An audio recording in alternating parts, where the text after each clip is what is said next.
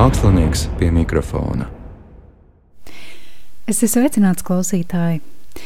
Man bija ārkārtīgi sirsnīgi un saviņojoši veidot šīs reizes podkāstu epizodi. Tam par iemeslu ir tas, ka pirms šīs sezonas pēdējās epizodes, kas izskanēs nākamnedēļ, vēlējos atskatīties uz to, kas ir bijis un kā tas ir bijis. Patiesi aizkustinoši bija atkārtoti klausīties ik katra podkāstu viesa epizodes, jo ir sajūta, ka mēs visi kopā tiešām esam daudz izdarījuši. Veicinājuši lielāku izpratni dažādajām mentālās veselības nedienām, veicinājuši lielāku empātiju pret ikvienu, kas iet kaut kam grūtam cauri, un ar mūsu brīnišķīgās ekspertas Diānas palīdzību mēs vēl vairāk esam iedziļinājušies, ko nozīmē dažne dažādas diagnozes, kas agrāk, gluži tāpat kā sarunas par mentālo veselību, visai ļoti tika stigmatizētas. Šajā reizē es vēlos tevi, klausītāji, ielaist podkāstu tapšanas aizkulisēs audiālā veidā. Būs gan tā saucamie blūperi, jeb smieklīgās situācijas, kas palikušas aiz kadra. Būs arī pāris lieliskas domas no podkāstu viesiem, kas arī palika aiz kadra. Tātad oficiālajā epizodē neiekļuva. Un būs arī Diānas Zandes stāstījumi par mums jau diezgan labi pazīstamo trauksmi, veģetatīvo distoniju, bipolaritāti un tam līdzīgi, bet arī šoreiz Diana stāstīs to, kas iepriekš dzirdēts nav. Ar šo epizodi es vēlos, lai mēs kļūstam vēl tuvāki.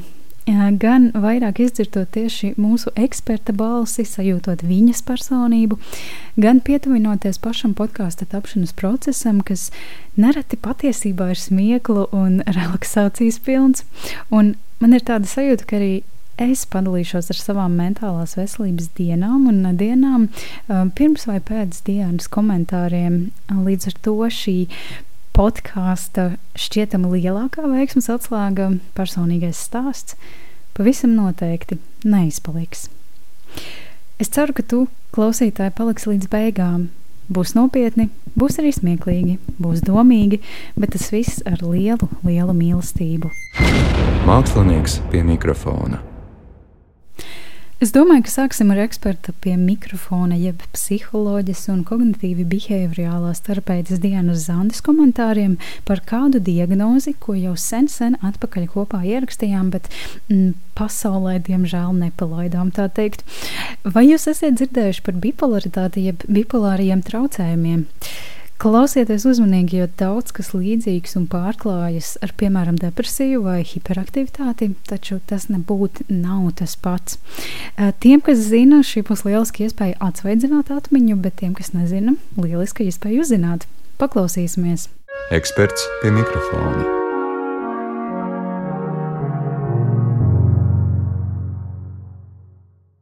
Bipolārie traucējumi tos raksturo garstāvokļa svārstības. Un ikdienā mums katram mēdz būt brīži, kad mums ir ļoti labs garstāvoklis, un mums ir enerģija, un spēks, un prieks un iedvesma. Un brīži, kad mēs esam sašļukuši un gribam ielīst zem sagas, un neko arī vairāk negribam, tad, kad tas ir laika pa laikam, tas ir normāli. Bet bipolaritāte ir tad, ja cilvēkam mainās garstāvoklis visai ievērojami un saglabājas kādu noteiktu laiku. Tātad, piemēram, ir kaut kāds laiks, kurā viņš ir nomākts, tāds depresīvs vai depresijas epizode tiešām, ja, kad viņš varbūt pat nav darba spējīgs un ar visām depresijas pazīmēm. Un tad šo depresiju nomaina otra galējība. Tāds ļoti pacelāts garstāvoklis, bet te ir gradācijas. Mazākais šis stāvoklis ir hipomānija. Tātad es esmu tāds apmierināts ar dzīvi, enerģijas pilns. Es esmu tāds drusku uzvilkts, man darbi šķirteni šķirās. Bet kur ir problēma cilvēkam, kam ir bipolaritāte, viņš var ļoti viegli uzšļūkt augšā jau mānijā. Tas ir stāvoklis savukārt, kad šis enerģijas pārpilnība pārvēršas pret pašu cilvēku. Tas parasti izpaužas ar to, ka cilvēks vairs nespēja gulēt. Var pat būt pie mānijas epizodes tā, ka viņš vairākas naktas, diennakts nav gulējis. Šajā laikā viņam var būt ekstrēmi paaugstināts garstāvoklis, bet arī viņš var būt aizkaitināms. Ja tad tas garstāvoklis ir ārprātīgi uzvilcies, bieži vien viņš sevi ar grūtībām kontrolē. Viņš patiesībā nekontrolē sevi. Tātad viņš var sadarīt trakas lietas, viņš var riskēt, viņš var iesaistīties kaut kādās vispār absolūti nevajadzīgās attiecībās, viņš var iztērēt naudu. Vārdu sakot, viņa rīcība tajā paaugstinātās enerģijas stāvoklī ir pēc būtības viņam pilnīgi nelabvēlīga. Tad pēc kāda laika no šī stāvokļa viņš atkal iet uz leju un ir atkal depresijas epizode. Un šīs epizodes var mīties tā, ka pusgadu cilvēks ir piemēram tajā ļoti nomāktajā posmā, un pusgadu viņš ir tādā uzvilktā, paaugstinātā. Šeit ir svarīgi saņemt medikamentos palīdzību, jo Tur bioķīmija smadzenēs strādā pilnīgi aplam. Šis nav vienkārši jutīgs mākslinieks, ja, jo šis cilvēks ir teikt, ārkārtīgi galējs tajās savās emocionālajās pieredzēs, un viņš pats jau pārsvarā arī cieši. Visvairāk mēs varam tad, kad mēs esam pa vidu un spējam sevi pārvaldīt, būt labā kontaktā ar sevi un, un dzīvot gan dažreiz ar priecīgu garstāvokli, gan dažreiz ar bēdīgu, un dažreiz būt jūtīgi, un dažreiz būt ļoti izturīgi, ja, bet mēs paši spējam to savu stāvokli kontrolēt un ietekmēt, ja, jo tā bipolaritāte ir tas, ka to cilvēks īsti nevar ietekmēt. Mākslinieks pie mikrofona. Paldies Dienai Zandai par šīs sarežģītās un netik bieži sastopamās Latvijā diagnozes izklāstu. Tas bija par bipolaritāti.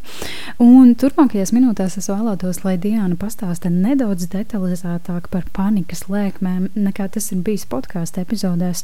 Un pēc tam es labprāt padalīšos arī ar savu panikas lēkmi pieredzi. Panikas lēkme ir atsevišķi izdalāma lēkme, kas sākas ļoti strauji, burtiski eh, dažu minūšu laikā sasniedzot nu, tādu maksimālo izjūtu kāpumu, un parasti neilgst eh, ilgāk kā kādu pusstundu. Un pēc tās ir tāds nu, drebulis un attiešanās, atgūšanās stāvoklis. Un, protams, emocijas ir ārprātīgas bailes, pilnīgi izmisums. Un tas, ko cilvēks parasti panikas lēkmē dara, viņš mēģina glābties no šīs sajūtas. Un pirmais, ko tipiski dara, vai nu sauc ātrā palīdzību, jo domā, ka kaut kas nav ar veselību, ar, ar, organismu, no, ar fizioloģisko veselību kārtībā. Un pēc tam cilvēks dara visu iespējamo, lai šī lēkme neatkārtotos, un sāk attīstīt nu, vienu no parasti abas divas izvairīšanās uzvedību, Tātad viņš sāk izvairīties darīt tās lietas, kuru laikā viņam sākās lēkme. Piemēram, ja man lēkme ir bijusi pie automašīnas stūres, tad es sāku izvairīties no automašīnas vadīšanas.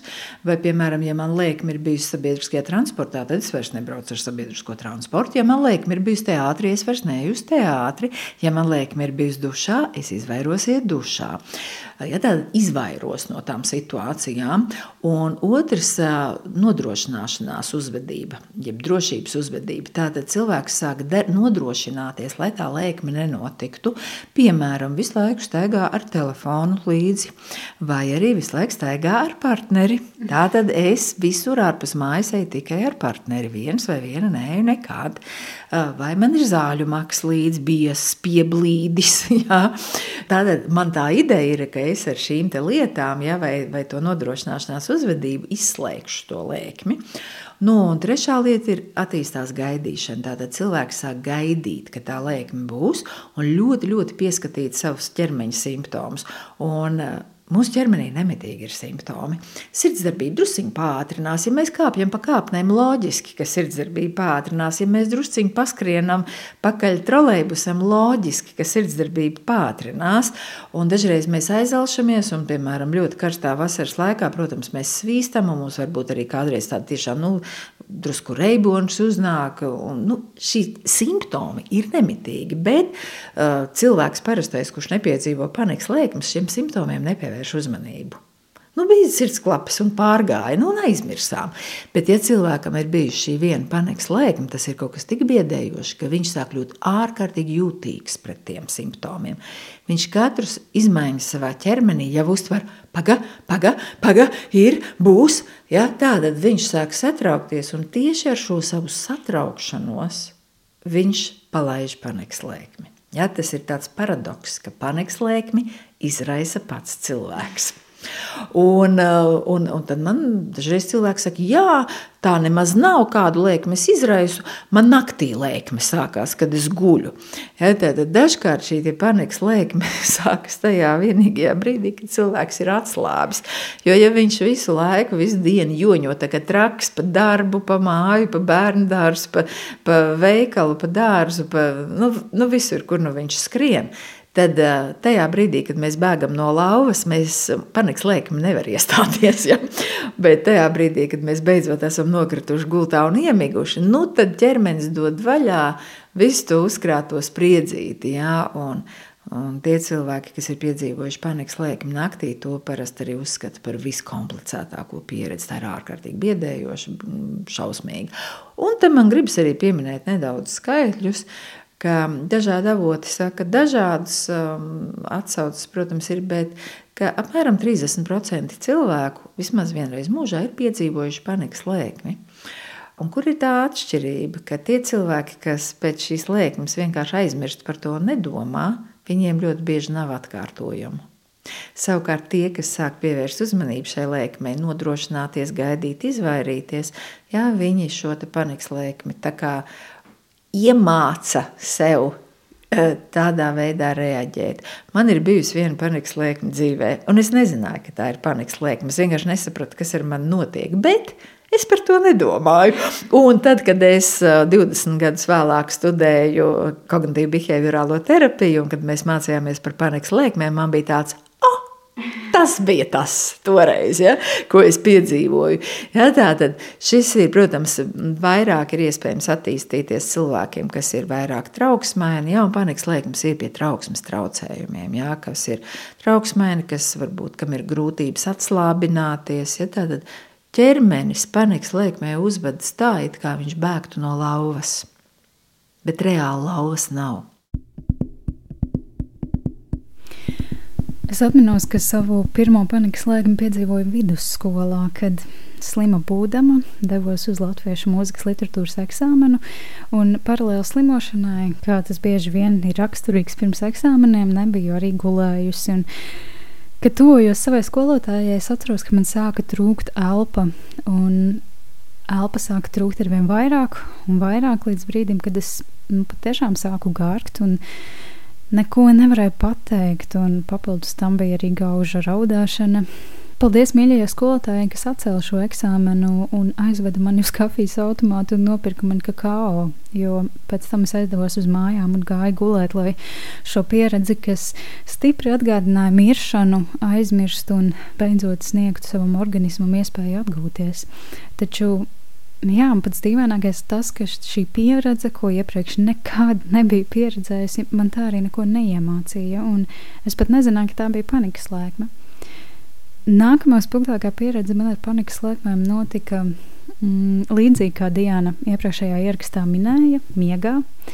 Atceros, ka naktas vidū pamodos no smakšanas, un tā bija nu, tiešām drausmīga sajūta un bezpalīdzīga sajūta. Uh, Nesaprastama, kas ar mani notiek, skrēju uz vannas istabu, lai dzertu ūdeni, taču tas arī nepalīdzēja. Un šī smakšana turpinājās vairākas minūtes. Zināju no filmu un seriāla skatīšanās, ka cilvēks bez elpas tik ilgu laiku izturēt nevar, taču sajūtas bija precīzi tādas. Man nav gaisa, un es to nevaru ieelpot. Un tad nu arī bija tas gadījums, um, kad manas tā brīža dzīvokļa biedrenes izsauca ātrā palīdzību, man aizveda uz slimnīcu. Visu nakti veica vairākas analīzes un beig beigās konstatēja, ka man ir sabojājies kuģis, ka kuģis sula nāk uz augšu, bet uh, smakšanu gan tas nevarēja izraisīt. Tā man teica vairāki ārsti. Tad no es kādu gadu biju pilnīgi pārliecināta, ka kuģa sula bija tā, kas izraisīs šo smakšanu. Un man liekas, ka neprofesionālim šajā lietā tas patiešām var likties loģiski. Nu kā, saskrien kuģi sula apvadā un viss. Taču laikam vismagākā lēkme notika mm, kādā kamerorķestra simfonēta Rīga koncertā, kad sēdēju zālē un jūtu, ka man sirds sāk netipiski ātri daudzīties. Un tajā brīdī nodomāju, ka tas no karstuma un bezgaisa un drīz vien tas pāries, taču, protams, ka tas neapstājās un sirds sāka daudzīties ar vien vairāk, ar vien ātrāk, un mana uztraukšanās par to, ka tā daudzās veicināja vēl ātrāku tās daudzīšanos, un, un man atkal sāka trūkt telpa. Un patiesībā tālāko es jums nemaz nevaru izklāstīt, tāpēc ka es neatceros, kas notika tālāk. Es tikai zinu, ka kaut kādā veidā izkļuva ārā no lielās ģildes, taču kā tas vēl joprojām man ir miglā tīts. Ejot terapijā un izglītojot sevi šajā mentālās veselības jomā, ar laiku sapratu, ka šīs epizodes ir panikas lēkmes. Šī apjēga un izpratne savukārt palīdzēja saprast, ka šīs lēkmes rodas no manis pašas, nevis fiziskiem traucējumiem, kā piemēram kuģis sulas, kā man agrāk likās. Un, un tas savukārt man lika ieraudzīt, ka viss, kas notiek ar mani, patiesībā ir manis pašas rokās un ir ietekmējams. Pirms aptuveni mēneša es devos uz koncertu, kurā tika atskaņots manis rakstīts skaņdarbs. Un skaņdarbā, kas skanēja pirms manā laikā, es jūtu, ka uztraukums kāpj, kas ir pilnīgi normāli. Vienā brīdī sajūtu, ka arī sirds stipri daudz sitās. Un, tā bija tā pati sajūta, kur es jau pavisam sāpīgi izjūtu koncertā Lielajā ģildē.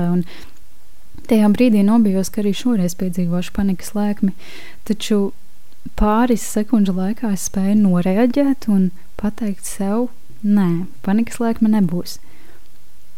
Es atminos vārds vārdā, ko es teicu. Tas bija tavs sirds joņo saviļņojumu un prieka dēļ par to, ka tavs skandarbs tūdaļ piedzīvos atkārtot atskaņojumu.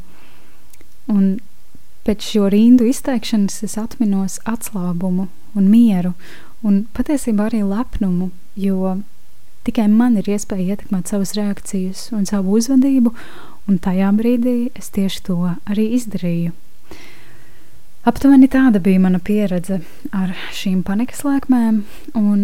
Starp citu, es atceros, ka tajā brīdī, kad ar Diānu sēdējām viņas praksē un ierakstījām tekstus par panikas lēkmēm, vienā brīdī sapratu, ka īsti nesaprotu atšķirību starp panikas lēkmi un veģetatīvo distoniju, jo tas viss, ko es biju dzirdējusi apkārt par veģetatīvo distoniju, stipri atgādināja tās pašas pazīmes, kas ir panikas lēkmei. Un tad, nu, turpinājumā Diāna pastāstīs, ko nozīmē šī reizēm nelīdz galam izprastā veģetatīvā distonija.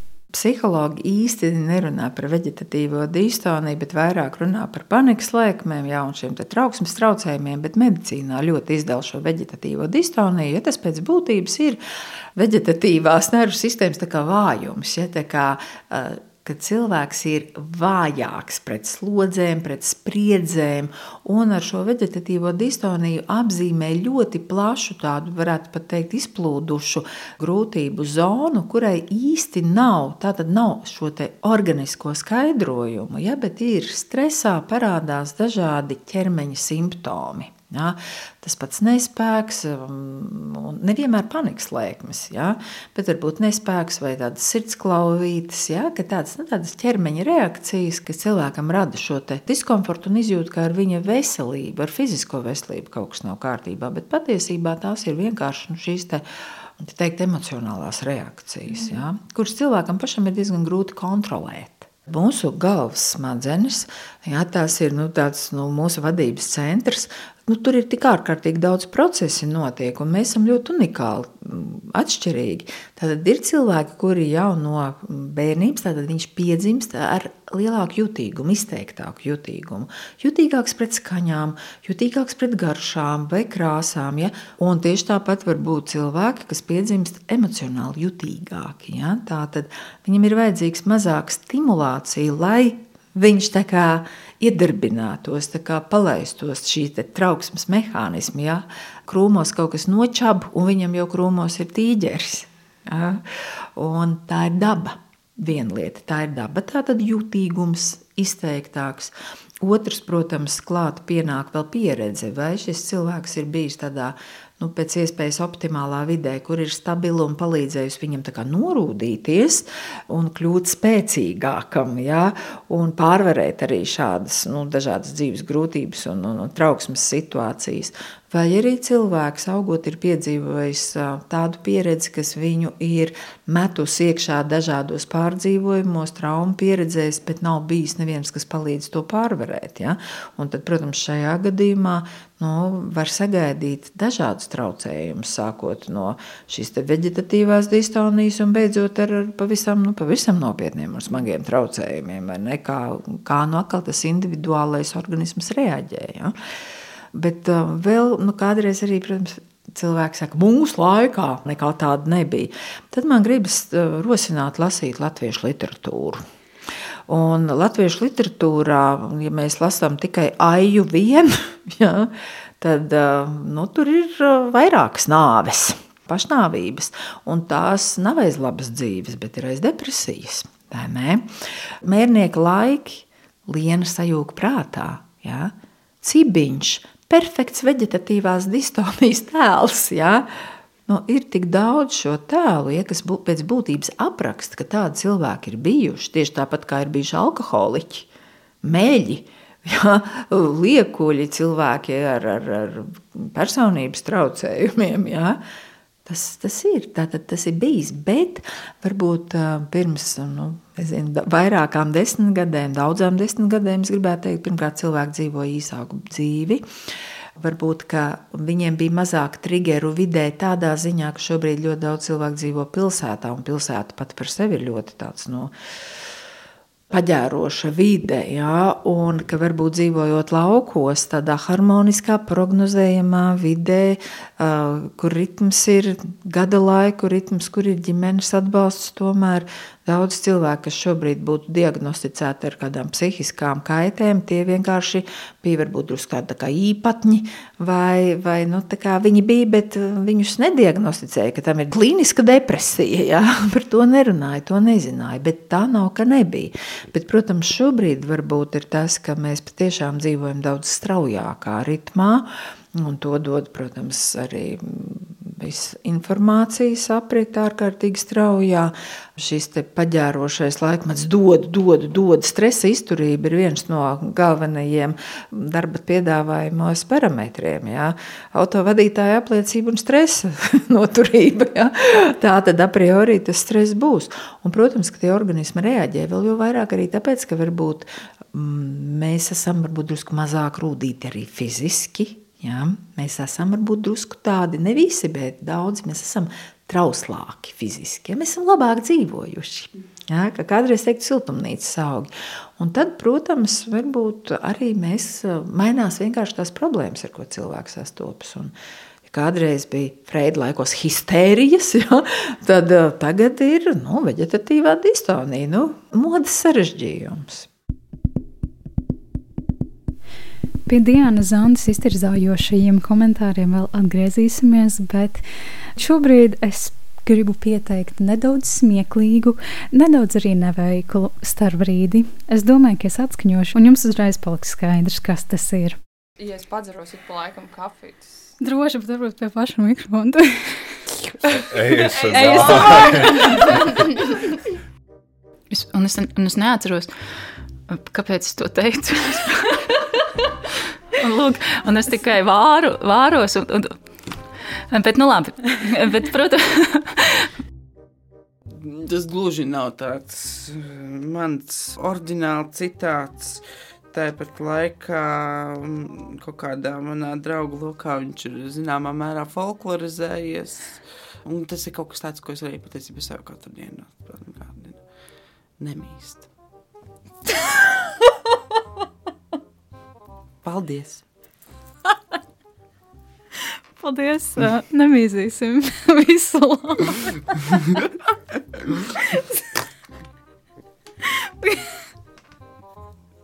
Šitā man ir pirmā reize. Tas pirmais, kas ir atprātā. Sorry, nu tā ir. Jā, piemēram, arī Igaunijas jauktā, Igaunijas akadēmijas jauktā. Jā, piemēram, arī Igaunijas akadēmijas jauktā kora kormeistara ir dāma. Tā ir vēl viena lieta, kā piemēram, visu laiku saku, piemēram.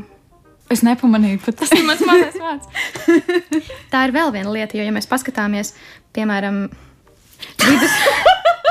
ne, tagad tas bija vietā, tagad tas bija vietā. Tagad tas bija vietā. Tāda labi. Bet uh, tas ir. Uh, ko es arī minēju tajā mūsu intīmajā sarunā. Uh, man patīk, ka tā bija vienkārši individuāla, ne, kā tur divi tā saruna, tagad jau tā ir intīma saruna. Uh, kas laik atsaucas uz kaut kādu šo sarunu. Šo, un visiem droši vien būs tāds, oh, kas tā ir. Man patīk, kā man patīk tas intrigu gars to radīt. Tagad, kas tā par sarunu, ko viņš tur darīja? Uh, Pagaidiet, kāds, ah, jā. Mēs pat varam nolamāties. Lai nolamāties. jā, nu, zin kā, jā, nu vajag iz, izlikt to ārā. Un ka kaut kādos mekļos tu vari palaist vaļā to prātu, ļaut viņam atpūsties un vienkārši nodarboties ar savu ķermeni. Kas ir uh, tie kaut kādi veidi, kādā tu nodarbojies ar savu ķermeni? Es nodarbojos ar savu ķermeni. Nu, ļauj man te pastāstīt. Man liekas, ka šitais ir uh, jāpārformulē. Svarīgi ir dalīties. Man arī. Um, Mēs tagad varētu, mēs ilgi runājam. Vai, o, jā, jā. oh, ak, Dievs, man drīz uz izrādījāt. Labi, nu. Nu? Mākslinieks pie mikrofona.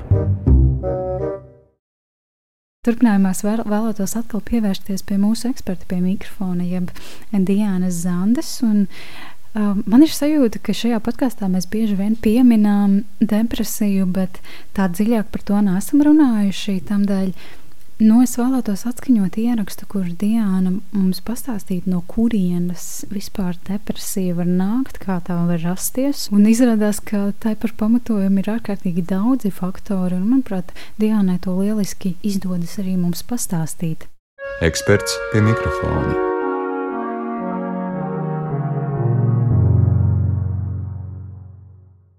O, ir ļoti daudz dažādas depresijas teorijas, un ir arī ļoti dažādi šie riska faktori. Tātad viens no riska faktoriem, protams, ir iedzimtības aspekts, ja, kas vienmēr ir tas, par ko vispirms domā jebkuras saslimšanas gadījumā, vai ne, vai nav iedzimtība. Ja, un ir dzimtas, kurās ir varbūt jutīgā daļa, ir sirds asinsvadi. Bet tur varbūt nav šie te, mm, emocionālie traucējumi. Un varbūt ir citas ģimenes, kur ar sirdi visiem viss ir kārtībā un riktīgi dzīvo līdz sirmam vecumam, bet ir depresija. Jā. Var teikt, kura sistēma ir jutīgākā? Jā, vai psihi ir jutīgākā, vai sirds asinsvadu sistēma, vai gramošanas sistēma? Jā, tā arī ir tā, kur varētu tā parādīties nu, tā saslimšana. Un, ja dzimtā, var teikt, ģimenē jau ir tur vecmāmiņai, vectētiņam vai vēl kādam, ja tad ir lielāks risks, ka šajā ģimenē var piedzimt bērns, kuram ir šis vājais punkts. Tātad vājais punkts nenozīmē saslimšanu, tas nozīmē vienkārši lielāku risku. Tieši tāpat kā piedzimt ģimenē, kur daudziem ir šīs asinsvadu slimības, saslimšanas, tas nenozīmē, ka šis cilvēks arī saslims. Jā? Pie labiem, sakarīgiem apstākļiem var mm, nesaslimt, bet risks ir lielāks. Tas ir viens. Nākamais - depresija pašam anamnēzē. Tas vārds anamnēze. Tātad depresija pašam iepriekšējā pieredzē. Ja ir bijusi viena depresijas epizode, tad pieaug risks, ka depresijas epizode var atkārtoties vēlāk dzīves gaitā. Un atkal viena depresijas epizode um, dzīves gaitā viegla, tāpat varbūt ir um, ļoti daudziem cilvēkiem bijuši. Pat apmēram 20%, pat 25%. Tikai bieži vien cilvēki to nesaprot, ka tā ir bijusi depresijas epizode. Jo, ja tā ir bijusi viegla, ja cilvēks ir ticis galā, pārvarējis, varbūt ir bijis grūts dzīves posms, viņš ir saņēmis atbalstu un viņš iet tālāk. Ja? Bet, eh, protams, var būt arī tā, ka, ja tā depresija ir smagāka, ja, tad ir tas lielāks risks, ka tā atkārtojas. Tad, protams, dzīves notikumi. Ja, jo ir dažādi dzīves notikumi, ko mēs varam definēt kā krīzes, piemēram, tuvinieku zaudējums, darba zaudējums. Um, Varbūt arī šī pati Covid situācija, ja, kur daudziem māksliniekiem no ļoti, ļoti izsita to ikdienas, ja, to stabilitāti un objektīvi izsita. Ja, jo tas, kas bija garantēts, ka būs darbiņš, tā tad būs maizīte, pēkšņi vairs nebija garantēti, ja, bet rēķini jāmaksā. Un atkal tas arī var radīt šo te kā iemest tajā nomāktībā. Nu, protams, ir arī cilvēki, kuriem arī bioloģiski ir bērniem temperamenta iezīmes, tādas kā augsta negatīvā emocionalitāte. Viņš jau no bērnības ir vairāk tāds jutīgāks, drūmāks, skumjāks. Ja? Viņš ir, viņam šis te ir drusciņi raksturīgi, un varbūt viņa vecākiem nemaz tas īsti nav raksturīgi. Viņiem nav tā depresija, bet šis mazulis ir tāds, tāds Ja? Tad viņam arī var būt tas, ka viņš dažādas dzīves pārmaiņas uztver vienkārši komplicētāk, grūtāk, sarežģītāk, jutīgāk. Ja? To pašu situāciju, ko kāds cits pārvarētu, varbūt relatīvi viegli, vai pat nepamanot, to šis jūtīgais indivīds var pamanīt kā milzīgus nepārvarams šķēršļus ja? un attīstīties depresija. Tad vēl Vājš sociālais atbalsts, tas ir depresijas risks, un tas ir arī depresijas aizsarga faktors. Tātad, ja cilvēks saņem atbalstu tad, kad viņam to vajag tādā veidā, kā viņam to vajag, nevis tad, kad viņam kāds atnāk un mēģina viņam palīdzēt, tāpēc, ka es taču zinu, ka tev tā būs labāk, ja? tad um, šis sociālais atbalsts ir liels atspaids. Un, ja cilvēks ir vientuļš, viņam ir lielāka iespēja mm, iegūt šo depresiju. Kaut gan atkal ir cilvēki, kur dzīvo vieni un nejūtas vientuļi, un tas nav stāsts. Ja? Bet cilvēks, kurš jūtas vientuļš, varbūt pat dzīvojot partnerībā vai ģimenē. Ja? Tad vēl diezgan bieži ir tas, ka depresija attīstās kā tā saucamais sekundārais traucējums. Nu, piemēram, ir sirds asinsvadu saslimšana, un paralēli attīstās depresija, kā skumjas, kā bēdas par to saslimšanu, jā, vai kāds darba nespēja, jā, rodas ilgstošs darba spējas zudums, jā, un attīstās depresija.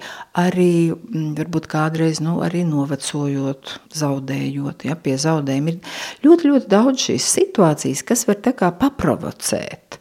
Bet tad jautājums, cik katrs indivīds ir spēcīgs pārvarēt šīs grūtības veselīgā veidā. Nevis pārvarēt, izturēt un pēc būtības vienkārši pārakmeņoties, ja, bet tiešām pārvarēt veselīgā veidā. Un, protams, depresija pa lielam, ja tā ir um, jau nu, nopietna saslimšana, tad tā rada bioķīmiskas izmaiņas smadzenēs.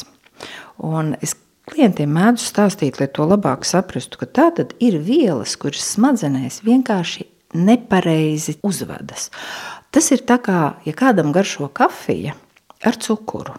Tad iztēlojamies, ka mēs tādā ielējam savu mīļāko kafiju krūzē, paņemam to burvīgo brūno cukuru graudiņu tā klikšķi iemetam tajā kafijā un ņemam ar sudraba karotītu maisam. Ja smadzenēs viss ir kārtībā, tad visas tās vielas tur pārvadās tā, kā tām jāpārvadās. Ja kafijā viss ir kārtībā un cukuriņā mēs samaisam, cukurs izšķīst.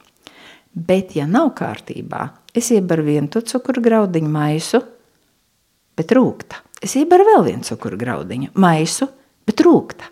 Es iebaru piecus cukuru graudiņus maisu, bet rūkta, nešķīsta. Ja? Un šis ir kaut kas, es taču maisu, es daru visu, bet nešķīst. Ja? Un šis ir tad, kad tiešām šī bioķīmija ir traucēta, ja? tad šī bioķīmija nosaka to, ka cilvēks nespēj izjust prieku. Jā, nevis viņa vēlēšanās vai nevēlēšanās, lai kā viņš censtos maisīt to cukuru tajā kafijā. Nav. Tie ir tie gadījumi, kad ir eh, obligāti jāiet pie ārsta un ir jādzer medikamenti, lai palīdzētu beidzot tai kafijai iegūt atkal to, to tik pierasti jauko garšu. Mākslinieks pie mikrofona. Izrādās, ka slavenajai trauksmei ir daudz un dažādi veidi. Ir gan situatīvā, gan ģeneralizētā, un turpmākajā pusotrā minūtē Diana Zanda pastāstīs par to sīkāk. Trauksme var būt saistīta ar kaut ko ļoti konkrētu, un, piemēram, situatīva trauksme pirms koncerta. Ja to, ko mākslinieks sauc par lampu drudzi, tas ir normāli. Jo trauksme pirms eksāmena vai pirms koncerta palīdz mums mobilizēties. Ja? Es savācos, Un tad es eju, un tajā brīdī aizmirstās viss, un tad ir tā uzstāšanās. Ja? Uh, bet, tā ir normālā trauksme. Vai tiešām, nu, kad piemēram es uzzinu kaut kādu nu, nepatīkamu vēsti, satraukums ir adekvāta reakcija, bet uh, satraukums, trauksme nav adekvāta reakcija, ja nekur nekas nav noticis, bet es uzvedos tā, it kā jau būtu. Ja nu rīt sāk līt, es drošības labad jau tagad izslienu lietu sargu. Labāk divus. Ja, un uzvelk vēl lietus metālu, jo ko es darīšu, ja, man, ja sāks līt, un es nebūšu gatavs. Ja, tāda trauksme var būt par kādu ļoti konkrētu lietu, ja, tad tā, tās ir saistītas ar, ar nu, tiešām par tematu, vai, piemēram, mācību trauksme, ja, vai uzstāšanās trauksme. Ir ļoti, ļoti daudziem cilvēkiem. Ja, milzīgi bailes, uztraukums pirms uzstāšanās. Bet ir arī tā saucamā vispārējā trauksme, ģeneralizētā, ja vispārīgā, kas ir tāda tā izplūdusi. Es vienkārši satraucos, es vienkārši esmu uzvilkts, uztraucies. Es pat nevaru pateikt par ko. Es vienkārši man iekšā ir tagad atspere. Ja? Un, un šis ir ļoti nepatīkams stāvoklis. Es beidzot skaidri apzinos, ka pati esmu cilvēks, kurš dzīvē ir ļoti, ļoti trauksmains. Un es atminos, ka skolas laikā man arī bija tā pati uztraukšanās trauksme. Atminos, ka bija jāspēlē klavieru ieskaita, un man rokas tā trīc, un man rokas ir tik slapjas, ka klavieru taustiņus nevaru nospiest. Un spēcīgi man ietekmēja reizes klavieru skolotājas teiktais. Viņa teica, Cik žēl, ka visu to, ko tu izdari klasē, tu nevari parādīt ieskaitē. Vai atminos, ka kā mūzikas teorētiķim man bija jāprezentē harmonijā prezentācija par trīsskaņiem, un atceros, ka sēžu pie klavierēm, mana prezentācija ir atvērta, to jau biju kārtīgi sagatavojis pirms tam, bet pēkšņi es vairs neatceros neko, un es nevaru pastāstīt, kas ir trīsskaņas. Zinu arī, ka ieskaišana eksāmena dienās nekad nevarēja iēst, un tā patiesībā ir joprojām, bet krietni mazāk. Un šī trauksme man ir vadījusi visu caur dzīvēi. Es domāju, ka daudz atpazīst to sajūtu krūškurvī. Tāds it kā uztraukums. It kā tu sēdi mājās, bet uztraukums ir kā pirms ieskaitas. Un pats rakākais ar laiku mēs pie šī uztraukuma, jeb trauksmes pierodam. Un savā ziņā tas nozīmē, ka mēs pierodam pie dzīves, kurā šie negatīvie taureņi, vēdā un krūškurvī dzīvo mūsos teju katru dienu. Manas trauksmes kontrolē ļoti ir palīdzējuši antidepresanti. Lietoju vienu, visvienkāršāko, citālu. Var teikt, ka šis antidepresants man ir sniedzis iespēju sazemēties un uz savām mentālajām nedēļām paskatīties ar tīru aci un skaidru galvu, lai saprastu, ko es varu darīt tālāk, lai man nākotnē nebūtu tik grūti. Jo domāju, ka daudzi zinās, ja tevi vada trauksme, ka tu jūties patiešām slikti, ne ar kādu piespiešanos nebūs iespējams domāt objektīvi vai domāt pozitīvi, vai jebkā citādi kā cilvēks, kurš šo trauksmi nepiedzīvo. Un, starp citu, ļoti daudz kas mūsu dzīvē ir saistīts ar pirmotnējām schēmām, pirmotnējiem procesiem. Šajā sakarā droši vien atcerēsieties, kā ar savu uzstāšanās pieredzi reiz dalījās violniece Magdalēna Geka, eh, pieminot slaveno trīnieku eh, Fight, Flight, Freeze, jeb cīnies, bēdz un sastīgsti. Un tas ļoti ir saistīts arī ar trauksmes procesiem, vienmēr ir vērtīgi apzināties, no kurienes mēs nākam un no kurienes mums nāk šīs negatīvās sajūtas. Un Diana Zāne tad jums par to pastāstīs. Šī cīnīties vai bēgt vai sastingt reakcija faktiski ir raksturīga visiem zīdītājiem. Tā arī suņiem, kaķiem, pelītēm un ziloņiem palīdz izdzīvot. Un tad iztēlojamies, ka cilvēki alā dzīvoja un uh, tur bija jauka lapu midziņa un, un mazs ugunskurs, un pēkšņi aiz alas sienām bija wow, wow, wow, tādas trakas skaņas. Tad, lai izdzīvotu, kas būtu loģiski, kad tāda visa ģimene sāk čalot un saka, nāc vien iekšā? Loģiski būtu, ka ģimene sastingtu vai bēgtu dziļāk alā, lai viņus neizvēl ārā, jo iespējams tas ir kāds briesmonis, kas grib viņus nomedīt. Tātad, ja man ir briesmas, kurām es nespēju stāties pretīm, ar kurām es nespēju tikt galā, tad ir loģiski, ka es nu, eju prom vai gaidu, no, noslēpjos, sastingstu. Bet, ja es dzirdu, ka kā aiz zāles atskan cibrits, cibrits, cibrits. Tātad tur lec garšīgais zaķītis. Ja es tādu paslēpšu salā, vai palīdīšu zem lapām un sastingšu, tad es nedabūšu vakariņas. Tā tad man ir jāiet ārā, man ir jācīnās. Ja mēs domājam par tādu mūsdienu dzīvi, tajā brīdī, kad es gribu kaut ko iegūt, es gribu iegūt diplomu, es gribu veikt šo uzstāšanos, es gribu uh, noskaidrot par algas pielikumu, tad es eju cīnoties, es eju un runāju, es kārtoju lietas, es darbojos, es esmu aktīvs, es varu teikt, tuvojos tam signālam, ja tam notikumam, tad es varu to ietekmēt. Ja ir situācija, kuru nu, es nu nekādi nevaru ietekmēt, tad cīnīties diži nav vērts, tad patiesībā ir vērts, ok, tad es nogaidu, varbūt tā situācija atrisināsies pati. Un, protams, ir situācijas, kuras ir man nelabvēlīgas, un ja es saprotu, ka šeit es atkal nevaru neko panākt, tad jā, tad varbūt tā iešana prom ir loģiska. Bet tā ķēze ir tā, ka mēs diezgan bieži šo jaucam. Un situācijās, kurās patiesībā mums ir jāsaņemas un jārīkojas, mēs sastingstam vai laižamies lapās. Un tā mēs paši nepanākam sev labvēlīgāku rezultātu. Šo trauksmes pilno informāciju noslēgs brīnišķīga eh, Diānas Zandes atziņa, kas, domāju, iedrošinās ikvienu. Lūdzu, nepārdzīvojiet par savu jūtīgumu vai par to, ka jums ir trauksme vai jebkāda cita diagnoze, jo ir tik svarīgi pieņemt sevi tādus, kādi mēs esam, un paralēli tam meklēt rīkus, kas palīdz iemācīties ar savām jūtīgajām pusēm eksistēt šajā pasaulē, kas varbūt jūtīgajiem nav gluži radīta. Bet uh, es vēlreiz gribu uzsvērt, ja mums nebūtu satraukuma pirms uzstāšanās, tad man šķiet, ka nu, tad mākslā nebūtu ne emocija, ne tās dzirkstes, ne tā aizrautība.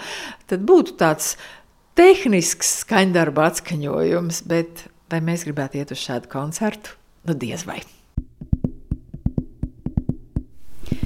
Epizodes pēdējās minūtēs es vēlētos pateikt milzu, milzu paldies ikvienam podkāstu klausītājam, un jo īpaši tiem, kas uzraksta, jo tieši jūsu vēstules iedvesmo darīt tālāk, un arī parāda to, ka šīs nav mazsvarīgas tēmas, un par tām ir jārunā. Man ir sajūta, ka šis podkāsts aug ļoti strauji. Sākumā tas bija centrēts tikai ap mūziķiem, bet šīs sezonas laikā esmu iepazinusies ar daudziem, jau daudziem citu mākslas jomu pārstāvjiem, kas arī man pašai ir bijis nu dienas svētīgi. Un, Un tas ir vēl vairāk palīdzējis redzēt, ka ne jau šīs ir viena mūziķa vai viena mākslinieka um, pēdiņās problēmas. Patiesībā tā vienkārši ir cilvēka dzīve un šīs problēmas, kā arī ikvienu. Tikai dažādās variācijās, un to mēs dzirdējām arī šajā sezonā, kurā bija ārkārtīgi dažādas, daudzpusīgas tēmas, sākot ar logoneirozi, epilepsiju, turpinot ar jūtīgumu, sērām un beidzot ar autiskā spektra traucējumiem, seksismu, kā arī UDHS. Tāpēc vēlos teikt lielu paldies Jānim, Ancei, Ingai, Evelīnai, arī Elvīrai, Brigitai un veseliem diviem Mārtiņiem. Paldies Marijai, Luīzai, Gertrūdai, Marijai un Linardam, kā arī Laurai, Alisei, Andrejam un Julianam. Cilvēks ir tik svarīgs, jo īpaši runājošais, tāpēc esmu pateicīga katram, kurš pie šī mikrofona sēžas un dalās, tādējādi laužot daudzos stereotipus, stigmas un neveiklību, kas, diemžēl, mentālās veselības un tēmas ap to vēl projām stipri skauj. Epizodes noslēgumā dažas domas no šīs sezonas viesiem, kas liek aizdomāties un varbūt kaut ko paņemt priekš sevis. Lai kādas, cik dažādas ģimenes pieredzes mums būtu, mums nav neviena, kuram nebūtu kaut kāda trauma. Pat ja ir bijuši paši labākie vecāki.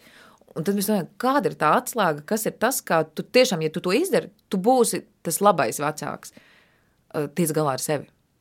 Tiec galā ar savām traumām, un tad tu tikai vari taisīt bērnus. Nu, bet tā ir. Bet tas tā ir. Jo, tāpēc, ka ir skaidrs, ka mēs visi pat ar mīlestību tu vari nodarīt pāri, ar nemīlestību tu, tu visādā veidā vari nodarīt pāri. Bet tajā brīdī, kad tu vairs savas traumas, savas pārdzīvojumus, savas ar, ar, nesakārtotās attiecības ar sevi un ar savu pagātni neliec virsū savam bērnam, tad tas, kas ar viņu notiks, tā būs tikai un vienīgi viņa darīšana. Tā, tas būs tikai un vienīgi par šo bērnu. Ja viņš ies uz terapiju, šis bērns vai viņa, tad, uh, tad ies risināt savas lietas. Nevis tam bērnam būs jāiet tagad jārisina savu vecāku lietas vispirms, lai tad tiktu kaut kad pie savām. ko tu dari atpūtas brīžu? Bet tā, ir, tā arī ir slimība. Ir cilvēki, kuri strādā, strādā, strādā, strādā. Un tad, ok, es tagad atpūtīšos tā un tā un tā. Un tad man ir tabula manai atpūtai un arī tādas ķeksīšas. Un ka es izkrāsoju to mandalu, es izgāju un pastaigājos, es noskatījos to filmu, es aizgāju uz masāžu un tā un tā un tā. Bet uh, tās visas tik foršas lietas, bet, bet, to, bet kad to ieliek tādā, tā, es par sevi parūpējos, ķeksīts. Nu, labi, beigu beigās izšķirošais ir tas, vai tas strādā, vai tas nestrādā. Ja tu tiešām esi liels atpūties un jūties labi, ja arī tas īstenībā bija darbs, tad jau viss kārtībā. Vispār daudz kas ir tā, ka nu, svarīgi ir vienkārši tas, vai, vai, vai tas sanāk. Tajā brīdī, kad sākās uh, karš, uh, kad Krievija iebruka Ukrajinā, es stāvēju protestā pie Krievijas vēstniecības, un tur bija Mētra Sabarova, kas ir uh, diezgan radikāli savos uzskatos un, un biedrs. Un, lai, laikam Jānis Ieselnieks, man liekas, sēž pat kāds to Nacionālas apvienības tiem, tiem, tiem, tiem redzamākajām figūrām, un viņi stāvēja ļoti netālu viens no otra, kad metru atstatu, un viņi stāvēja tās Krievijas vēstniecības, un, un viņi tur stāvēja vienoti par to, nu, par to lielāko ļaunumu. Un tajā brīdī es biju tiešām aizkustināta. Man liekas, ka rekāni mēs, nu, mēs varam, mēs varam būt kopā, mēs varam. Labi, mēs esam atraduši kopīgo dusmās un skumjās, bet tāpēc ir tas kopīgais. Un tad, tad mēnesis vēlāk, kad viss ir noguruši, es redzu, ka cilvēki aiz dusmām grib šķelties un meklēt to atšķirīgo un meklēt, nu, cīnīt šo savu karu savā iekšā. Un, un man no tā ļoti bail, jo īstenībā tajā brīdī, kad, nu, ja tajā sākumā es domāju, ka viss ir briesmīgi, bet tas ir, nu, ka šī ir tā cerība. Šis ir tas, pie kā es turos, šie divi metri cilvēkiem pa vidu, kas var apvienoties mērķa labā. nu, jā, un tas, tas ir. Es šausmīgi ceru, ka tas, lai arī kā šis viss beigsies, es ceru, ka mums, kā cilvēkiem, tas um, karam nav jēgas un karš ir briesmīgs, bet ja karš mums nevar iemācīt mieru, tad tas ir vēl šausmīgāk. Un uh, mentālajai veselībai, nu, tas ne, nebūs nekāds lielais pārsteigums, bet regulāras fiziskas aktivitātes.